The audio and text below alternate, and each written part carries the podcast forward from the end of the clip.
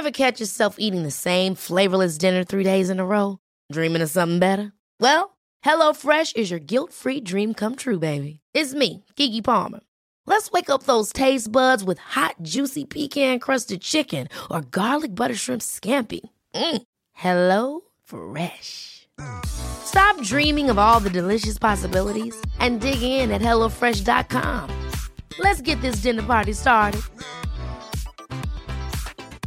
I'm Sandra, and I'm just the professional your small business was looking for. But you didn't hire me because you didn't use LinkedIn jobs. LinkedIn has professionals you can't find anywhere else, including those who aren't actively looking for a new job but might be open to the perfect role, like me.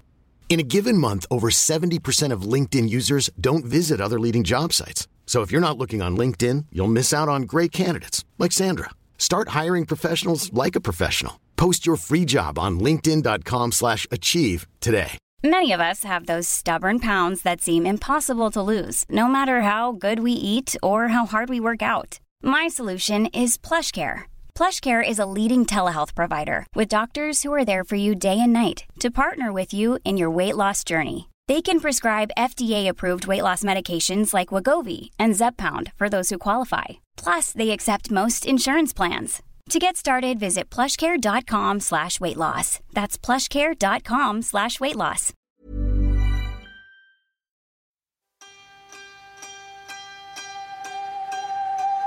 finns egentligen inga önskningar eller känslor som är fel. Alltså de kan ju vara problematiska och de kan vara besvärliga, men de är åtminstone äkta. Hej och välkommen till Psykologsnack-podden där vi snackar om psykologi och psykisk hälsa.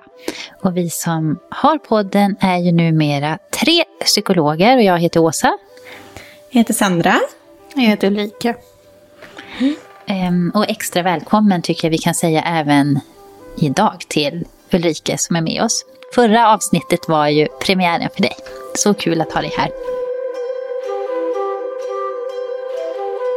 Och nu kommer vi ju liksom ta del två egentligen av, av det vi pratade om förra gången. Det här med känslostarka liksom, re- relationer. Och eh, det här gör vi ju för att avsnitten inte ska bli allt för långa att lyssna på, vilket vi lyckas lite sådär med. Det blir nog ganska långa ändå, men det är för att det här är så otroligt, eh, otroligt intressant. Eh, så att vi kör på det här upplägget så får vi se hur det går framöver. Mm. Eh, och om du inte har lyssnat på första eh, delen eh, så kan du ju göra det först om du vill. Men det funkar såklart också att hoppa direkt in och lyssna på del två också. I det här avsnittet så kommer vi ägna oss framförallt åt att gå igenom olika strategier som man kan använda när man har det väldigt stormigt och konfliktfyllt i sin relation. Och då syftar vi här framförallt på kärleksrelationer. Mm. En annan sak som kan vara bra att nämna och som eh, vi inte fick med i förra avsnittet, men här när vi pratar om stormiga och konfliktfyllda relationer, så pratar vi ju ändå om storm, storm inom ramen för att det fortfarande finns en respekt för varandra i det och att man inte far illa i relationen. Det vill säga att du inte är utsatt för psykiskt eller fysiskt våld för då behöver du ju mer hjälp än vad de här tipsen som vi ger i det här avsnittet. Så hur kan man då börja nysta i härvan som orsakar så många konflikter? Jo, det är ju just att prata. Och det har vi ju alla hört förut och det känns som en jättesliten klyscha. Men eh, tyvärr så finns det nog ingen väg runt. Men det finns ju olika typer av prat. Alltså kommunikation där vi upprepar det vi alltid sagt och på precis samma sätt. Eller en mer effektiv kommunikation som faktiskt når fram. Och det här kan vi träna oss på. Och effektiv kommunikation kan ju liknas lite vid en dans i två steg, eller en tvåtakt kanske man kan kalla det. Den ena personen uttrycker sig exakt utan anklagelser eller värderingar och den andra lyssnar, förstår och bekräftar. Sen kanske man behöver byta plats såklart. Men det här är ganska enkla steg. liksom en enkel dans och grunden också till all effektiv kommunikation. Precis, och hemligheten här är ju att vara så exakt som möjligt när man formulerar sig. Ja, men kanske till och med att man behöver vara lite torr eh, för att öka sannolikheten att budskapet inte missförstås eller misstolkas. Och när sedan den andra validerar Ehm, och alltså bekräftar oss så hjälper det också att dämpa eh, våra känslor vilket i sin tur gör det lättare för oss att ja, kunna behålla lugnet och att också fortsätta att vara sådär lite mer torr och exakt utan att eh, låta känslorna eh, krydda kommunikationen med en massa anklagelser eller överdrifter. För det här är ju annars lätt hänt att det kan bli på det sättet när vi blir upprörda. Eh, och här kan då den här cirkeln av eh, att skifta mellan anklagelse och att gå i försvar kan då brytas. Och sen har vi ju allt det här utanför pratet, eller vad man ska säga. Eh, det som vi kommunicerar fast utan ord. Vi kanske alla kan relatera till att reagera på hur ens partner liksom snurper på munnen, himlar med ögonen eller har en speciell uppsyn kan, som kan liksom verkligen reta gallfeber på oss.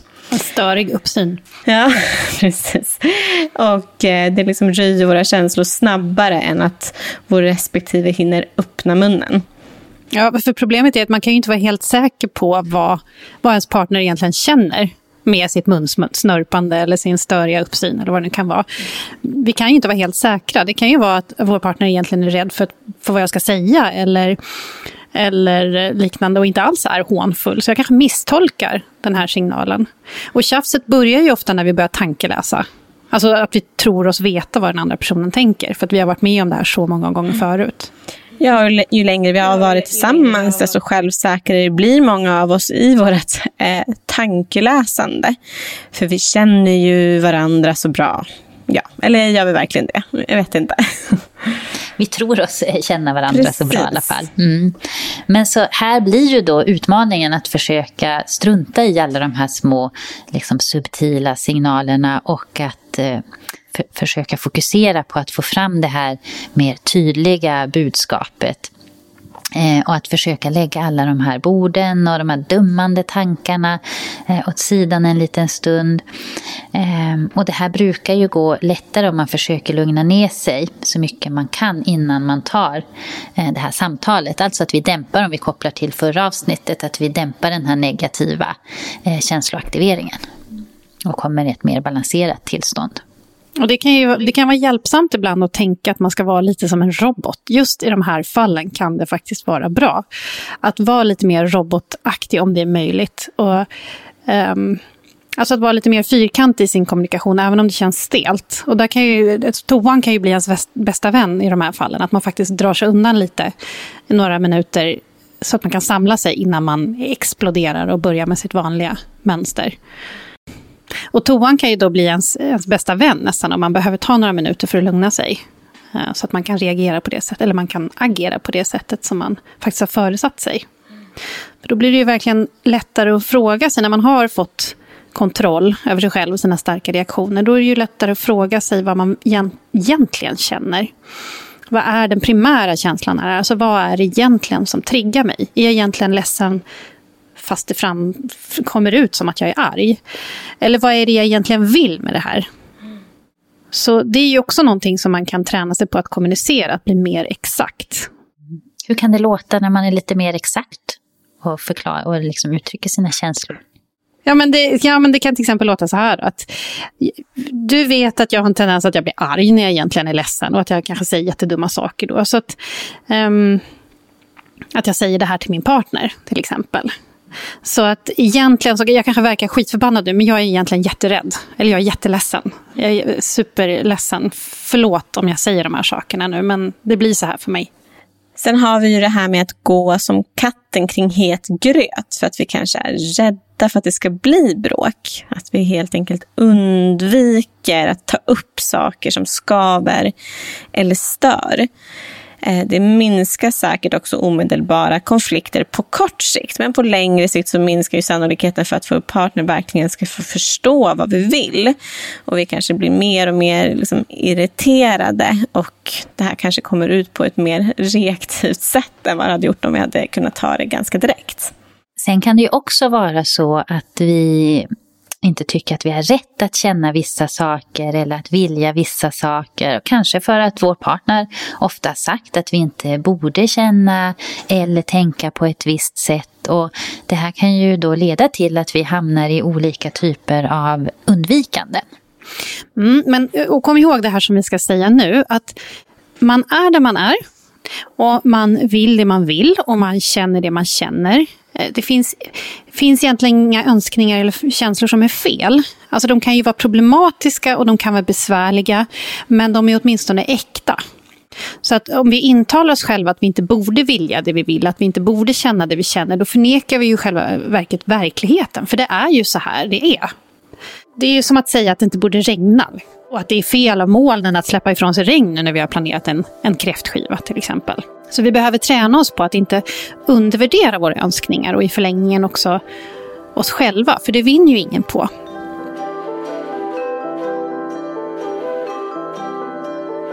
Validering är ju ett sånt där psykologord som vi eh, slänger oss med ganska ofta. Och problemfyllda relationer med mycket bråk präglas ofta av mycket invalidering och lite validering. Och vad betyder då det här validering för någonting? Jo, men det betyder ju att vi visar att vi förstår den andras upplevelse och känslor. Alltså det påminner om empati, det vill säga att vi kan leva oss in i någon annan. Bara att validering, det innebär att vi verkligen i ord och handling visar att vi förstår. Så inte bara känner det. Så det är egentligen ingenting annat än ett konkret beteende. Att validera någon. Och det kan räcka med sådana små saker som att titta någon i ögonen, humma, lägga huvudet på sned, precis det här som psykologer är kända för att göra. Lyssna, ställa följdfrågor. Och så lyssna väldigt uppmärksamt. Det är mm. validering. Och vi kan också kommunicera liksom att den andra personens upplevelse är okej. Okay. Om vi inte förstår den kan vi sätta ord på det. Jag ser att du är jätteledsen just nu. Vad har hänt? Eller helt enkelt, jag är inte säker på att jag förstår. Kan du, kan du berätta mer? Och validera är inte samma sak som att hålla med den andra i allt. Men det är ett försök att försöka förstå. Mm, för det är just det här med att, att vilja bli förstådd och accepterad, det är ju någonting som är så otroligt grundläggande för oss människor. För då blir vi automatiskt lugnade, vi känner oss lättade, vi känner oss tröstade. Det har liksom en omedelbar effekt på oss. Eh, motsatsen är ex extremt stressande för många av oss. Det kan vara väldigt smärtsamt att inte bli validerad, alltså invaliderad. Och man, man vet inte varför det här är ett så starkt behov hos oss människor. Och kanske i grunden att det här faktiskt är ett biologiskt eh, fenomen. Det här att bli accepterad av gruppen. Mm. Och inte bli utstött eller avvisad. Mm, precis. Mm. Um, och i del ett så pratar vi ju om och tog upp den här jämförelsen med relationen som en pardans. Och här kan man ju tänka då när det gäller det här med validering att föreställa oss att vi kan dansa mer försiktigt med varandra utan att eh, trampa på varandras tår allt för mycket. Och det här är ju någonting som vi kan lära oss och som vi kan träna på.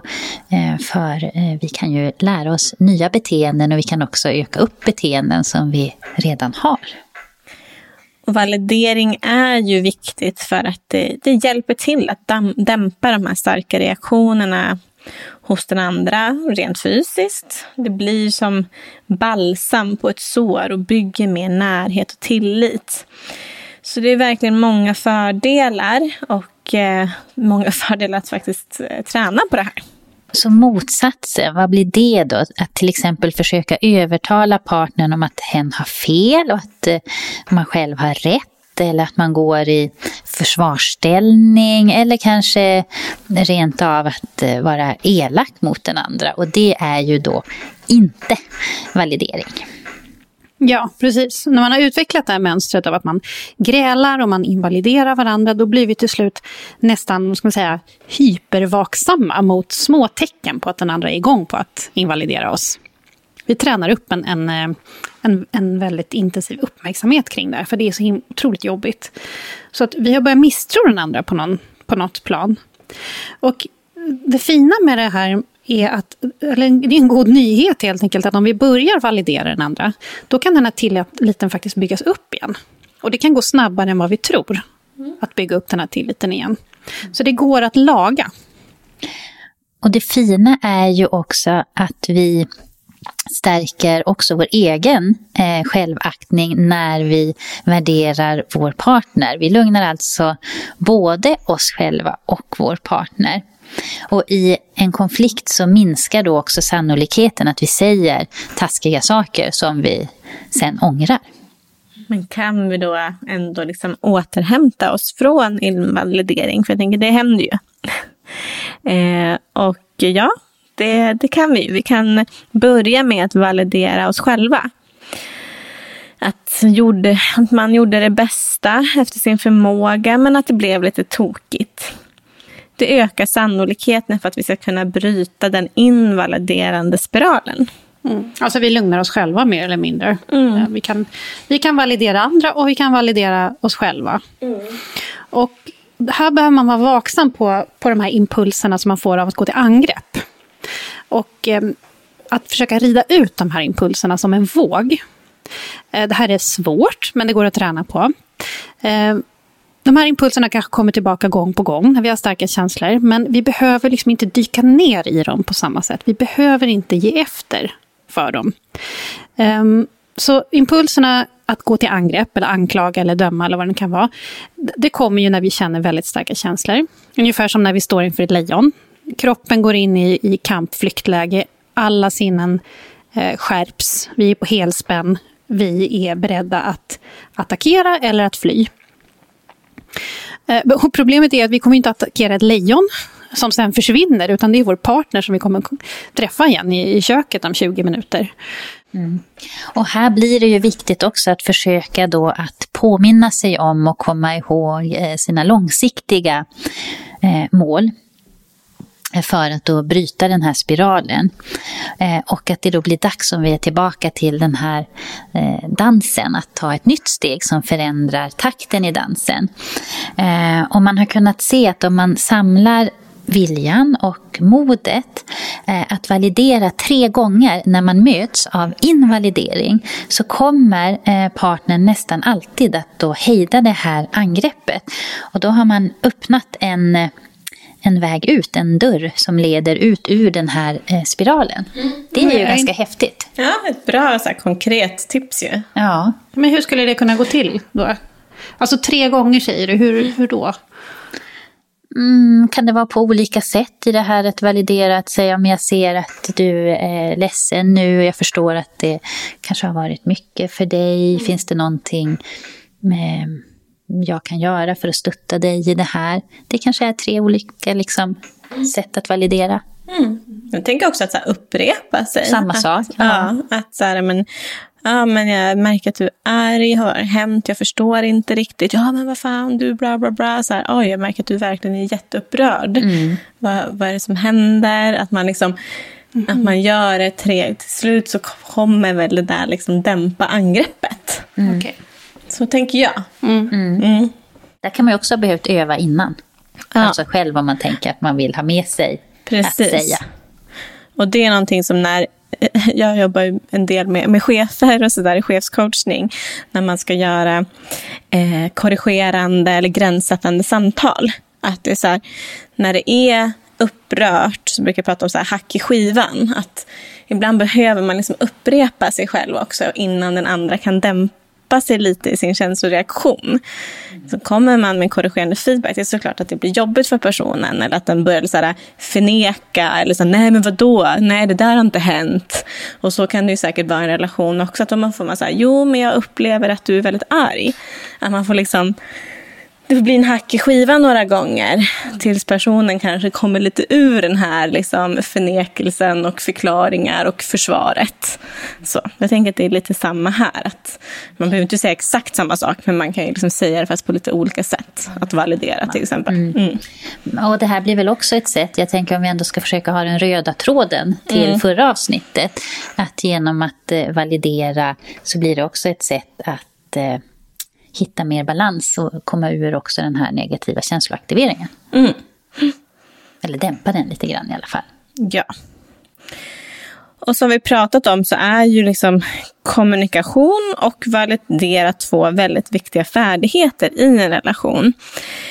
Men det är ju också ibland så att man behöver problemlösa. För det finns ju vanligtvis även några problem som uppstått i relationen som går faktiskt att lösa. Eh, och det kan alltså då vara klokt att ha en plan för hur man som par hanterar problem och hur man då liksom förhandlar och diskuterar fram lösningar. Eh, så först behöver man kanske börja med att ha en diskussion om problemhantering innan man sen ger sig in på problemlösning, alltså att man har den här planen klar för sig. Mm. Om man har ett läckande avlopp till exempel, om vi, om vi tar ett exempel, då anlitar man en rörmokare och sen antar man att problemet är löst. Och om det skulle hända igen, då försöker man laga felet igen. Och sen kanske det går något år innan man behöver dra nya rör eller så. Men problemet i en relation är ju oftast betydligt mer komplexa och, så, och, och lösningen är ju oftast inte så lätt. Mm, precis, så om problemet är vem ska hämta barnen så kan man ju liksom lösa dem ganska direkt. Alltså, ja men jag gör det idag. Eh, men oftast så är ju problemen lite av en så kronisk karaktär och kanske återkommer. Att så här, men oj, den här diskussionen om vem som ska hämta barnen eller liksom det, det, det, det kommer liksom varje vecka. Eh, och då kanske de inte kan anses som lösta precis. Och relationsproblem kan oftast inte lösas på ett permanent sätt utan kan mer behöva hanteras som sin ekonomi. Att så här, ja, situationen förändras ständigt. Ibland på ett mer förutsägbart sätt och ibland inte. Så liksom, även om jag har, ju, har tillräckligt med pengar just den här månaden med den här inflationen och med den här räntan så kanske nästa månad ser det helt annorlunda ut. Då är det helt pank. Det är helt pank. Inte att skämta om när räntan läggs om på min stora del av lånet. Då kommer situationen förändras eh, betydligt. Eh, så att man får se det, kan se det lite på det sättet. Eh, och ett problem som kan vara vanligt hos par är också att man faktiskt inte är överens om vad är det som är problemet. Eh, den ena kanske tycker att den andra måste diska oftare men medan den andra tycker att det är orättvist fördelade hushållssysslor i, i stort. Eh, och problemet är liksom inom samma tema men lösningen är ju olika beroende på vad man har för perspektiv och ingång på, på det hela. Så först behöver man ju då tillsammans också eh, definiera och kanske enas om vad problemet är. Mm. Ja men verkligen, där kan man ju märka ibland att så här, Oj, men vi, vi har ju helt olika tankar om det här. Eller vi pratar om olika saker. Du pratar om att diska, jag pratar om alla, alla grejer i hushållssysslorna. Liksom. Mm. Ja, och ibland kanske någonting underliggande. underliggande att om mm. jag alltid lämnar kastrullerna efter att jag har diskat, mm. så är det ju också, det förmedlar ju någon slags liksom, nonchalans eller likgiltighet gentemot min partner. Att jag mm. räknar med att han, han tar dem där, för det gör han alltid. Alltså det, är, det är ju störigt i sig. Alltså mm. Då ligger det ju en annan grej bakom också. Mm. Eller så behöver man kanske där också då lyfta det om det är så man vet ju inte, det kanske inte är en nonchalans bakom. Det kanske är någon som ja, men har jättesvårt. Inte vet jag. Med att diska kastruller? Nej, men med att slutföra saker eller vad det nu kan vara beroende om man har någon underliggande problematik mm. eller så. Jag tänker bara så att man inte så förutsätter att man vet vad det är. Då kanske man behöver lyfta vad det är som blir mm. problemet i det. Mm. Precis. Vi har ju landat i att jag, jag har förmedlat att det är det värsta jag vet, att diska kastruller. Mm. Och jag har verkligen så försökt förklara det för honom. Det är det värsta jag vet. Ja, och nu förstår han det lättare. Det. Att det är inte av lathet eller nonchalans. Det är för, för, att jag tycker det är så vidrigt att göra det. Och varför, det vet jag inte. Men nu vet han det i alla fall. Vad kul. Vi är lite samma.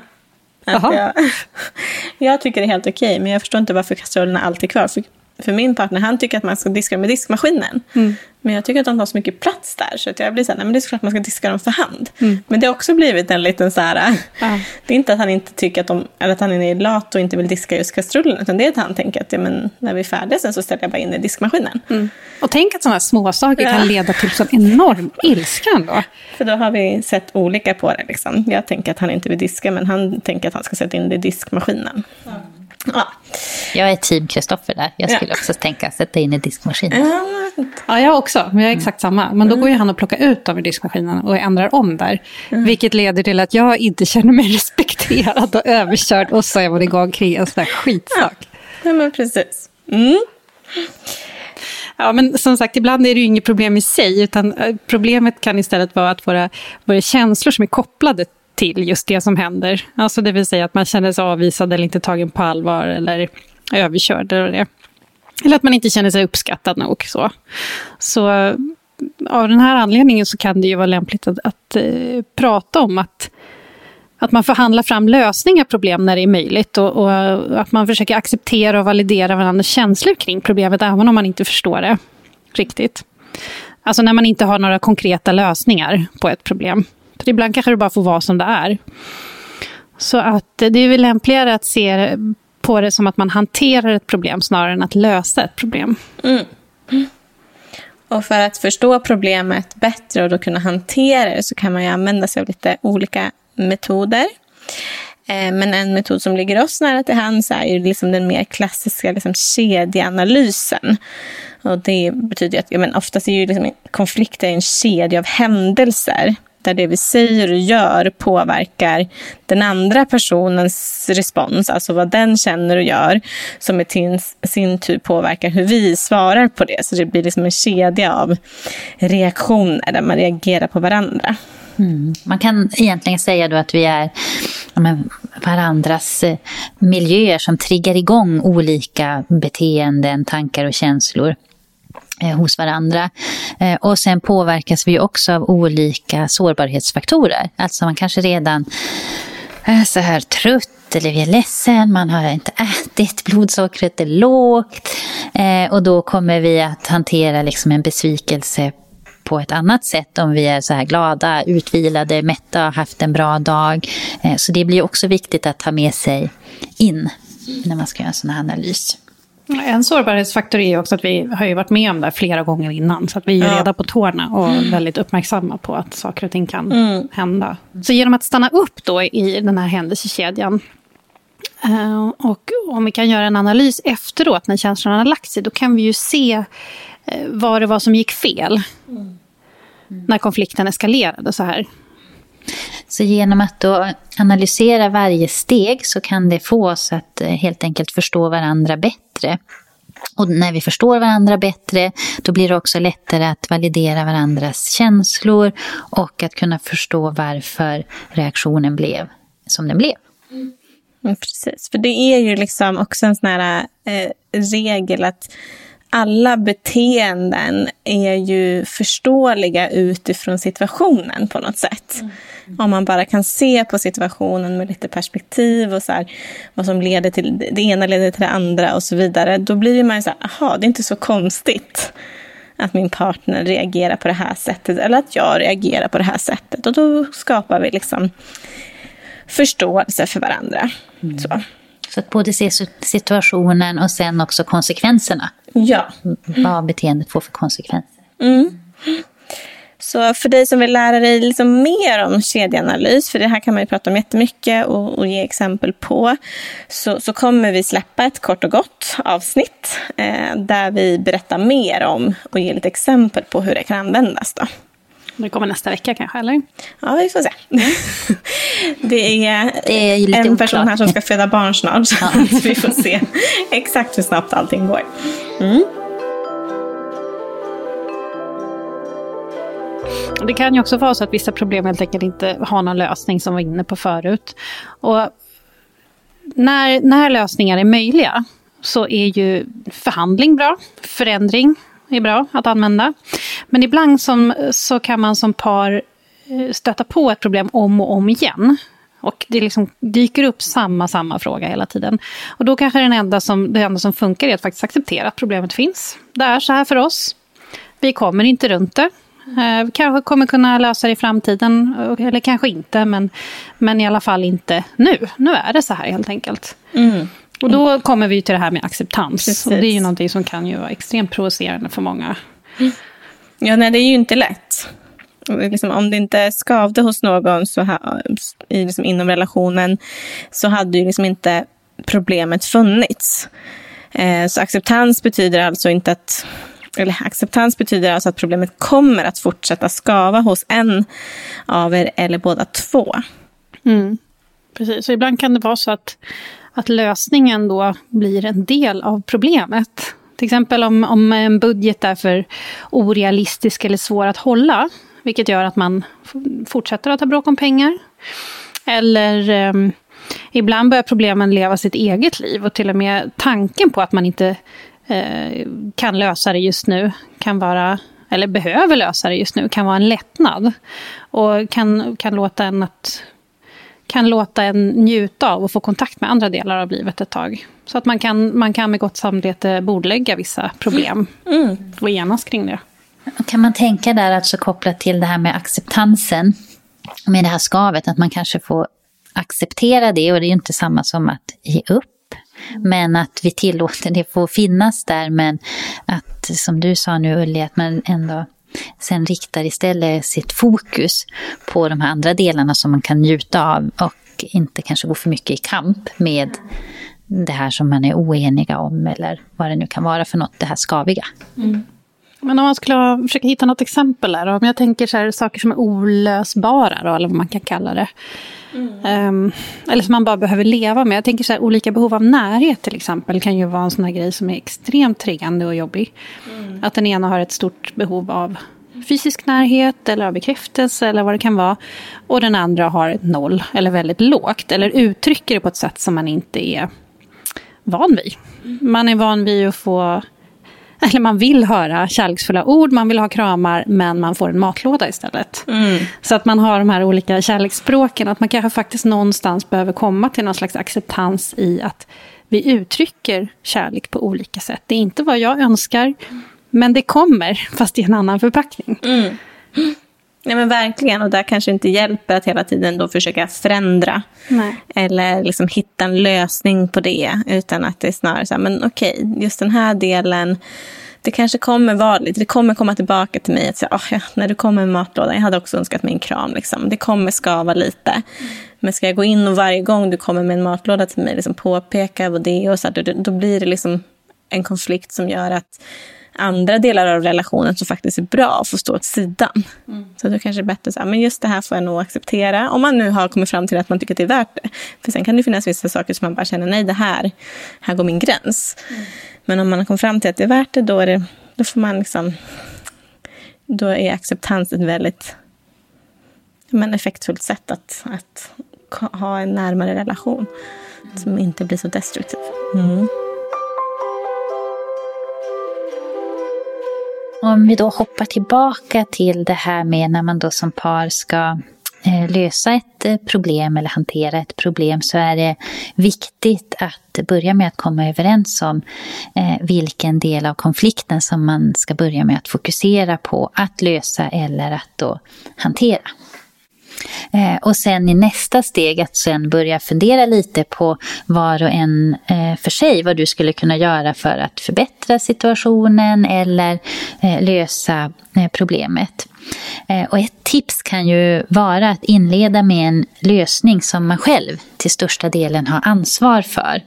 För att då kommunicerar Eh, då kommunicerar man ju själv att man är angelägen om att eh, lösa det här problemet snarare än att man vill få sin partner eh, att ändra på sig. Och här tänker jag också som vi tror jag pratade om här lite tidigare, men när vi faktiskt själv börjar göra förändringar och ändra våra beteenden så får det ofta effekt på den andra och kan leda till eh, goda cirklar. Men sen är det ju såklart också så att om det ska bli en effektiv lösning så eh, inbegriper det ju ofta att båda parter behöver göra någon form av förändring. Men man kan ju mm. också börja tänka att vad kan jag börja med att förändra hos mig själv och ta det första steget så kanske det också inbjuder till eh, att den andra också börjar göra förändring. Mm. Ja, och sen då kan man liksom göra en lista över möjliga lösningar. Liksom var kreativa. Släng fram alla möjliga olika lösningar. Eh, och arbeta bara med det så länge inställningen är konstruktiv och känslorna måttliga. Så märker man att så här, men det här börjar bara, nu börjar vi bråka igen, okej då kanske man behöver ta en paus innan man börjar liksom, eh, brainstorma lösningar. Så. Så att det kan, det är så här, men problemet har troligtvis funnits länge så det kan ju faktiskt krävas några försök innan man hittar en bra, en bra lösning. Så det kan ju faktiskt vara okej att ta en paus. Och sen är då nästa steg att man försöker då, ja, men förhandla fram någon form av eh, överenskommelse. Eh, och det här kan man göra antingen direkt efter att man har hittat en lösning, men ibland så kanske man faktiskt behöver eh, ta en paus innan man tar det här steget att hinna få fundera lite grann och sådär. Mm. Jag tänkte på en grej där, att, att så här, när vi, när man tänker i terapier och sådär, eh, då eller i alla fall jag har, jag vet många andra terapeuter också, att man kan ju eh, bli väldigt fyrkantig där, tänker jag, i sina lösningar. Och det mm. betyder inte att det är fel. Som Nej. om vi till exempel har det här eh, exemplet som förut, att man, man har olika sätt att uttrycka kärlek på. Det kan ju faktiskt vara så att det blir så torrt och fyrkantigt att man säger så här, okej, okay, du gillar inte att hålla på och kramas och, och så, men vi kan väl komma överens om att du alltid kommer och pussar mig när du kommer hem från jobbet. Mm. Mm. Eh, för det är ju ändå någonting man oftast kan mm. jobba på. Och då kanske inte det kommer spontant, nej, förvisso. Men bara att vår partner gör det är ju ett kärleksuttryck. Ja. Att man tar sin partner på allvar. Mm. Så att fyrkantigheten här är ju egentligen inget fel. Nej. Nej, och det kanske blir också så här, ja, men om, om, om jag kommer och pussar dig varje dag när jag kommer hem från jobbet, ja men eh, då, då kanske vi inte behöver sitta omslingrande varje fredag när vi kollar på film. Då kanske det är okej att jag sitter i min fåtölj. Absolut, ja. Och så har man hittat någon typ av liksom, kompromiss där. Mm. Så. Eh, mm. Men börja med att gå igenom liksom alla de här tänkbara lösningarna som man har då brainstormat fram eh, och gör det här var och en för sig. Att fundera på liksom vilka vilka gillar du och varför? Vilka för och nackdelar finns det med de här olika eh, lösningarna? Och sen får man gå igenom då var och en. Att man, den första får gå igenom och berätta. Så här, men det här de lösningarna jag tycker verkar bra därför att. Och så får den andra berätta och sen kan utifrån de lösningarna som ni gillar kanske pussla ihop någon typ av överenskommelse som innehåller delar från en eller flera lösningar. Ehm, och här kan det ju vara bra att vara lite beredd på att man behöver eh, vara lite uthållig helt enkelt. Och kanske att man får också kohandla lite grann. Ja, men om du är beredd att göra X, då kan jag göra Y. Eh, och sen också att inte så bli besviken om man känner att den här lösningen funkade inte första gången vi testade. Nej, men då kanske man får gå tillbaka, analysera vad gick fel och göra ett eh, nytt försök. Jag tänker bara så här, men hallå, heja er som mm. försöker. Att man vill hitta en ny väg framåt och en lösning och att man inte tappar hoppet för att det inte fungerar. Och kanske är det som sagt eh, mönster, beteenden som har funnits under lång tid och då tar det ju också tid att förändra beteendena och när vi ska göra förändring, ja, då kommer det komma bakslag och vi faller in i gamla beteenden. Det är ju ingen fara, mm. men då får man ta nya tag. Det här, det här eh, visar ju bara hur mycket arbete det faktiskt är i en relation. Det här är verkligen relationsarbete. Ja, ja. Att, att förutsätta att det bara ska funka, det är ju så ja, vad ska man säga? Det är ju sådana här saker som faktiskt krävs mm. någonstans. Det mm. låter tråkigt och det låter eh, oromantiskt, men mm. det är faktiskt kanske så här man får göra en längre relation till slut. Mm. Och det kanske är egentligen, okej, okay, låter jag ju lite präktigt. Men det kanske egentligen är väldigt romantiskt. Ja. Att göra det för att det är att vårda relationen och det är att vårda kärleken och ge kärleken eh, förutsättningar. Jag tror också. Jag tror att det skapar en känsla av närhet att sitta och prata om de här sakerna. Framförallt om man kan göra det liksom på ett sätt som är, är liksom någorlunda lugnt. Att, och då kan det vara bra att man har planerat. Men imorgon ska vi sitta och prata om det här problemet. Tänker också jag som är skadad av organisation och sånt där. att jag menar i arbetet, då är det inga konstigheter att man har planeringsdagar, affärsutvecklingsdagar där man ska tänka på hur man ska ta sig an saker på bästa möjliga sätt för att det ska bli så bra som möjligt. Men i relationer gör man inte det. Men det borde man kunna göra. Man borde ha en... Jag tänkte bara nu att jag borde ha typ en kanske inte månadsvis, men halvårsvis planeringsdag mm. med min partner. Där man sitter ner och säger okej, okay, ja, men nu står vi inför det här halvåret framåt. Hur ska vi, vad är det för problem vi ser? Hur ska vi hantera dem på bästa möjliga sätt? Ska vi liksom göra någon typ av plan och formulering framåt? Att bara ta tid och liksom gå igenom det. Men jag tror, att, jag tror att man är väldigt rädd för att det ska bli någon slags, ja men att romantiken dör. Att det här är någon slags antites till att känna starka känslor, mm. de härliga starka känslorna. Mm. Men jag tror inte att det utesluter. Nej. Att det ena utesluter det andra. Nej. Jag tror att tvärtom, att det här kan leda till väldigt starka, härliga känslor som par. Får ju mer utrymme då sen. Ja, precis. Mm. För då minskar kanske de här konflikterna mm. eh, på lång sikt. Mm. Ja, och till slut så förhoppningsvis så kommer man ju fram då till en lösning som båda godtar. Och då behöver man skriva ner den så att det inte blir några otydligheter. För det är också lätt hänt att man tolkar saker på olika sätt som vi har pratat om. Så skriv ner det så att båda kan se, så här, det är det här vi har kommit fram till. Eh, låt den mogna lite och gå sen tillbaka till förhandlingsbordet och se, se över dem, överenskommelsen. Känns den okej? Okay? Ja, men då går vi vidare och försöker testa den här överenskommelsen.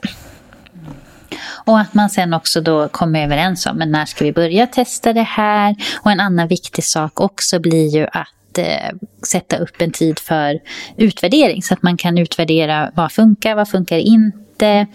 Eh, behöver vi göra några förändringar här? Eh, och det kan ju vara bra att eh, lägga det lite längre fram i tiden eh, så att man hinner testa på beroende på vad det är för förändring man har. Eh, och sen kan det också vara bra att liksom diskutera igenom lite, men hur vet vi om, om det här har fungerat eller inte? Vad ska är det vi ska utvärdera eh, mot?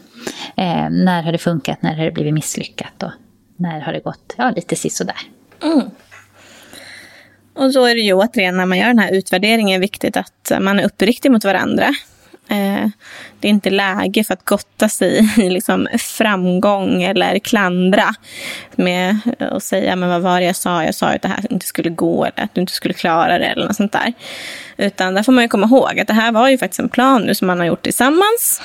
Eh, och att ni också då faller tillsammans. När den inte har funkat så är det en förlust såklart för båda. Så.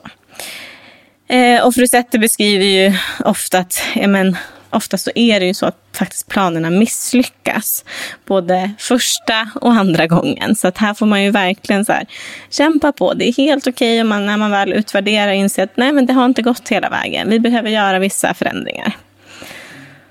Och här tycker jag att det kan vara bra att påminna sig om, eh, om, man, om det misslyckas, att det inte är fel på er som personer, utan det är eh, designen på förändringen, alltså på lösningen, som behöver förändras. Det var den som var fel eller inte eh, funkade helt enkelt.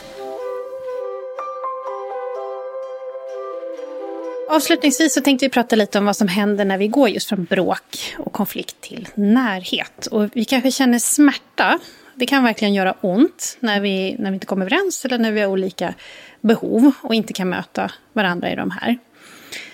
Um, och det kanske handlar om just olika behov av närhet, det kan handla om olika behov av egen tid, att man har olika sociala eh, behov, olika social. Uh, och vi har ju här ett grundläggande val och det är att kämpa emot vissa olikheter och att motarbeta förändringar i vår tillvaro eller att acceptera dem. Mm. Och förändringar kräver ju av oss ofta stora ansträngningar som vi var inne och pratade om och många kompromisser. Eh, medan lidande å andra sidan är när vi då kör fast och inte lyckas förändra saker som vi vill. Samtidigt som vi inte kan acceptera läget som det är. Och det här kan ju då växa till ett eh, svart hål som gör att hela livet eh, känns jobbigt. Och vissa förändringar kan ju vara värda att ta fighten för medan andra kan kräva så mycket att det kanske kostar, ja men det kanske kostar att verkligen fortsätta försöka. Det låter ju kanske dramatiskt men ja, det kan i alla fall kosta väldigt, väldigt mycket att försöka. Att köra huvudet in i väggen gång på gång. Ja. På gång. Ja. Mm. Ehm, och att då kan det kanske vara värt den här eh, ansträngningen som det tar att göra en förändring. Mm. Mm. Eh, och ett eh, experiment kan ju vara att under en begränsad tid, kanske under några veckor, eh, välja upp en sak som man ger upp kampen om. Och verkligen då tillsammans bestämmer sig för det. Att inga tjat, inga klagomål, inga liksom vältajmade grimaser eller suckar och så. Utan att man ser att men här får vapenvila råda. Eh, och det här kan man då testa om man känner att man har liksom som par kört fast och vill eh, testa en, en annan strategi. Mm. Men då måste man ändå vara beredd på att det kommer liksom komma en hel flod av, av negativa känslor och en massa eh, dömande tankar och sådär som kan dyka upp. Och sen, det blir liksom som abstinens nästan. Att, att släppa kampen om vissa saker. Det kan vara jättejobbigt. Jag har prövat det själv. Det, det pockar på. Liksom. Men då får man ju, okej, okay, hur kan man ta hand om sig själv då under den tiden? Det kan ju vara att ladda upp med trevliga saker, träffa vänner, göra grejer som man tycker om för att kunna uthärda det här och påminna sig själv hela tiden om att det här är ett medvetet val hos mig, det här är ett experiment. Jag kan alltid gå tillbaka till att göra som jag gjorde förut. Jag kan börja med att tjata om det här igen, om mm. jag vill. Men under de här två, tre veckorna, då är det nolltolerans. Mm.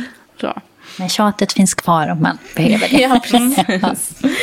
Lovar, du kommer inte tappa bort det för evigt. precis. Och då kan det faktiskt vara så att laddningen kring det här som din partner gör faktiskt minskar om man då går in och gör det här experimentet. Och om det inte gör det så får man ju fundera vidare. Är det värt kostnaden att fortsätta köra huvudet i väggen? Eller kan du istället jobba på att se det utifrån en annan synvinkel? Behöver det vara ett så stort problem för dig egentligen? Mm. Mm. Man får tänka så här, lev och låt leva. På något sätt. Mm. det är ju lättare sagt än gjort.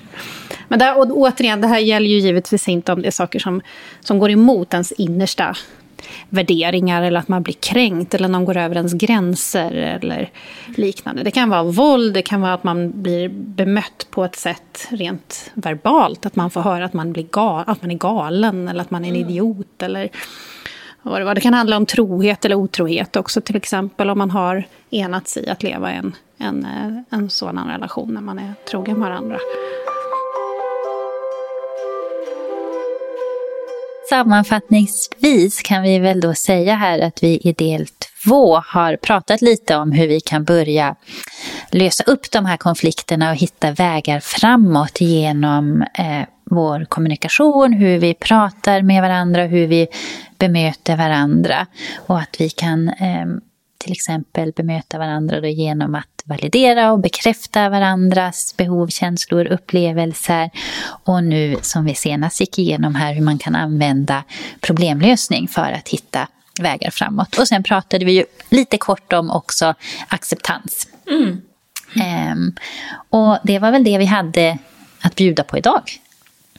Ja, spännande tema ju. Gud, man kan prata mycket om det här som vanligt. Ska vi gå hem och träna ikväll? Ja, verkligen. Man kanske ska förbereda sig nu när jag kommer hem. Jag har ju faktiskt ett irritationsmoment som jag står inför. Jag med. som jag kommer möta säkert när jag kommer hem. Så jag ska ta lite, några fraser här att eh, förbereda tror jag. Ja, jag har mm. nog inget idag. Ja, vad skönt. Vi får väl se, kan ju segla upp någonting, man vet aldrig. kan komma spontant. Vi skapar något om ja. man vill. ja, precis. Men jag tänkte också att vi kan ju um, bara upprepa att uh, om man vill läsa mer eller veta mer om det här så kan vi rekommendera då den här boken eh, Känslostarka relationer av Allan E. Frusetti. Mm. Mm. Precis. Och eh, ni kan också, om ni inte redan gör det, följa oss på Instagram på vårt otroligt aktiva konto. Men där det kanske kommer bli, nu var jag lite ironisk här, för jag tror inte vi har gjort ett inlägg på jättelänge. Nej, det är några månader sedan. Ja. Men nu kanske det blir lite förändring. Eh, så följ oss gärna på Instagram och där heter vi också Psykologsnack. Mm. Tack för idag. Tack för idag. Tack.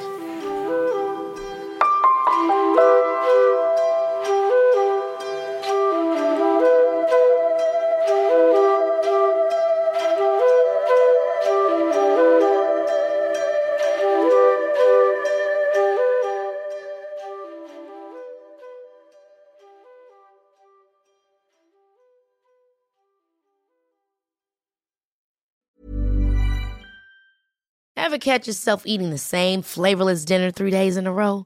Dreaming of something better? Well, HelloFresh is your guilt-free dream come true, baby. It's me, Gigi Palmer. Let's wake up those taste buds with hot, juicy pecan-crusted chicken or garlic butter shrimp scampi. Mm. Hello Fresh. Stop dreaming of all the delicious possibilities and dig in at HelloFresh.com. Let's get this dinner party started.